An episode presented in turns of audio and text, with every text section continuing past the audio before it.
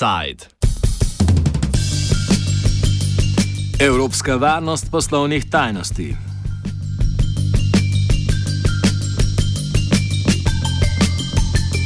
Več evropskih nevladnih organizacij opozarja na ponovno sprejemanje škodljive zakonodaje znotraj zidov evropskih institucij.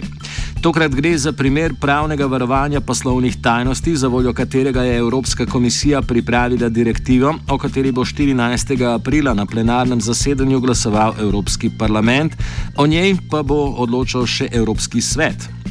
Konec januarja je o omenjeni direktivi že glasoval odbor Evropskega parlamenta za pravne zadeve, ki je stvar brez večjih ugovorov na vkljub opozorilom civilne družbe potrdil.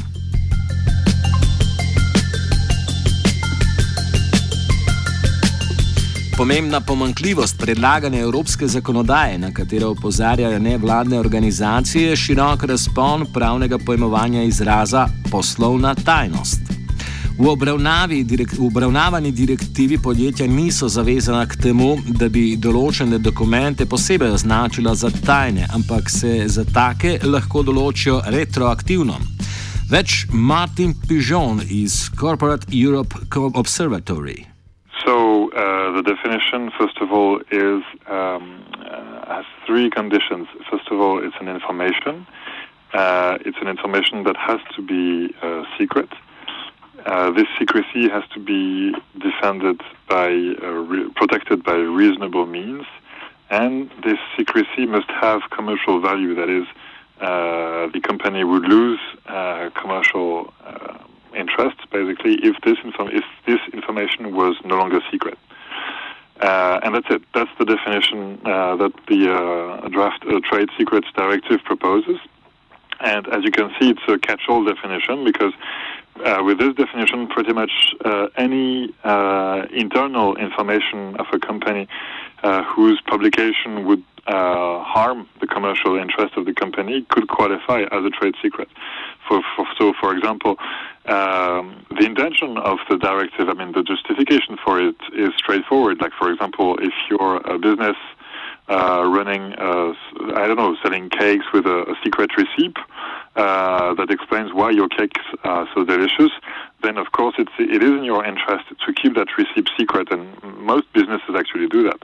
And I don't have a problem with that. The problem is when uh, is that the definition also applies to other types of information, like, um, for instance, uh, plans to lay out people, uh, to fire people, uh, or, um, for example, information that, for example, the the company has bribed someone, or any kind of you know corporate malpractice, and we know that this happens also, uh, and uh, that will basically mean that journalists um, publishing this information would now be at risk to be sued uh, by the company for uh, a trade secrets violation thanks to this definition.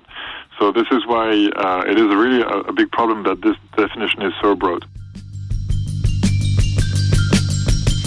Široko pravno pojmovanje poslovnih tajnosti med drugim odpira vrata lažjim izvedbam tožniških postopkov proti novinarjem in žvižgačem, ki s predlogom niso pravnomočno zaščiteni.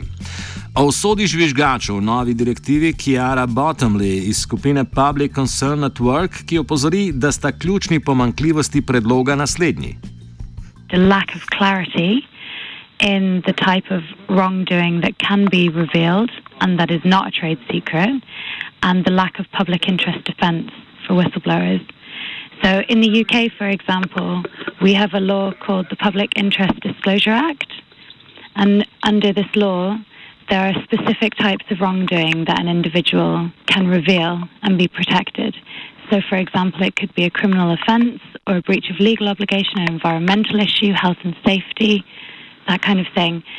With the Trade Secrets Directive, um, in its current format, there isn't anything that. And I think from our perspective, the lack of clarity in the law may undermine attempts in public policy to encourage workers to speak up at the earliest opportunity when they're just when they are just suspicious that wrongdoing is taking place, um, rather than you know it, it's become a, a, a wide scale disaster, a scandal. Um, I think the other point to make around that is that you know individuals are less likely to speak up if they're worried about not only losing their job as a result of whistleblowing, but also if they fear for their own personal liability. The other point that we would make is around public interest defence. So, I mean, a lot of the wording of the directive sort of presupposes that litigation is already taking place, and our concern is that without adequate legal safeguards in place for individuals, um, the perception will be whether they're revealing public interest information or a trade secret, the perception is likely to be that it will result in litigation. Um, so we would ask that, or we would want um, a public interest defence to be drafted in for individuals who may reveal public interest information, but in so doing end up committing an offence. Kako poteka tožba na osnovi razkritja poslovnih tajnosti, je že mogoče opazovati na primeru LuxLeaks. There is a problem with this definition, is that it is a list uh, and it is restrictive. Uh, so it does not capture all the possible cases. Uh, for example, if I take one um, uh, contemporary example, which is the LuxLeaks uh, scandal, which you might know, uh, in this case, you can see that um, so the documents that uh, Antoine Deltour, the employee, former employee of the international audit company PricewaterhouseCoopers, he shared these documents with a journalist, and both are being sued now in Luxembourg for trade secrets violation. Uh, these documents are uh, contracts, legal contracts between multinational companies and the state of Luxembourg, and then brokered by PricewaterhouseCoopers. So they're legal. Uh, and uh, is it corporate malpractice? No, because and is it in the general public interest to denounce uh, them? Well, it depends, because from the point of view of the state of Luxembourg, uh, these contracts are, say, in a way, a legitimate tool in the broader competition between member states of the European Union to attract uh, companies, because every, uh, you know, all the member states, uh, unfortunately, uh, can, I mean, not to that extent, but try to attract companies to pay taxes on their territory using such such tax optimization um, uh, approaches. This is what uh, Juncker, before the LuxLeaks uh, scandal, called a healthy uh, fiscal competition. I don't think it's healthy. It's just a, a race to the bottom. Uh, but uh, that's a case, for example, where the exception applied to whistleblower does not protect a, a, real a real world example. So that, that that's to show that there are um, cases where Uh, the protection for whistleblowers is not going to be applicable in this directive. Ključno vlogo pri oblikovanju predlagane zakonodaje so imeli gospodarski lobiji, ki pri njenem snovanju sodelujejo že od prvih osnutkov. So, first of all, you can see that the very existence of the directive, of the draft directive, comes from the lobbying of uh, the groups you just mentioned, the Trade Secrets Co- uh, uh, and Innovation Coalition, TSIC. Uh, so we, I, I, published last year um, uh, an investigation on on, the, on, on their work, on the lobbying, uh, on the work that they did towards the Commission, and you can see that as early as 2006, some industry groups, such as the chemical industry, were lobbying the Commission to obtain a better protection of what they uh, what they considered a trade secret. Uh, and in uh, 2010, so um, the TSIC was formed and basically started lobbying the Commission. And in 2011, they convinced uh, the Commission to start uh, drafting. And what is very impressive is that they really, um, what is very impressive, and that tells also a lot about the way the European Commission works, is that they um, they helped uh, the officials writing the directive at absolutely all stages of the process. At the very early stages, they provided all the expertise. They introduced them to uh, key academics that they knew. They sent uh, a lot of research, a lot of data, uh, so that. Um, the uh, the officials would basically have the materials to, to write, but of course they they wrote with their own approach, and then you can and this is at, the, at this moment that, in my opinion, in my analysis, they secured the two key victories. Čeprav so poslovne skrivnosti že zaščitene po obstoječi zakonodaji, direktiva upeljuje nova pojmovanja. Because you know trade secrets are already protected uh, in all European countries, but it's not exactly the same everywhere. So it's technically it should only be a harmonization uh, of the legislation, but it goes much beyond that because the majority of national legislations protecting trade secrets are about are using. Um, a, comp- uh, an unfair competition framework. That is, uh, you cannot uh, violate the trade secrets when you're a competitor because that's unfair competition, and that's very important because that restricts the scope of the directive to competitors, to economic actors. Uh, the problem is that the, uh, the Trade Secrets and Innovation Coalition, the, the lobbyists, they convinced the, the, the, the, Commission to broaden that and to by using an intellectual property uh, framework. So they are not uh, the the Commission uh, did not uh, follow them by deciding that trade secrets were a form of intellectual property, but so that's the one thing the Commission didn't give them. But the, for everything else, um, it, it, they, they, obtained what they wanted, and so that means that anybody in society, including non, you know, non-economic actors, people without any economic economic interest in the disclosure of the publication or the use uh, of the trade secrets at stake, can be sued now. And that's also so. It's those two things, you know, the definition and the fact of using an intellectual property framework that broadens uh, the scope uh, to every, absolutely everybody else uh, in society and not only companies. Evropska komisija utemeljuje potrebo po revidiranju zakonodaje o poslovnih tajnostih z dejstvom, da bi nova pravna reditev ustrezala predvsem malim in srednjim podjetjem. Ali takšne trditve držijo? Well, you know, in Brussels, uh, everything gets done in the name of small and, uh, and medium companies because they're the ones providing jobs. Overall, multinational corporations tend to destroy jobs, and the jobs uh, created are done by small and medium companies.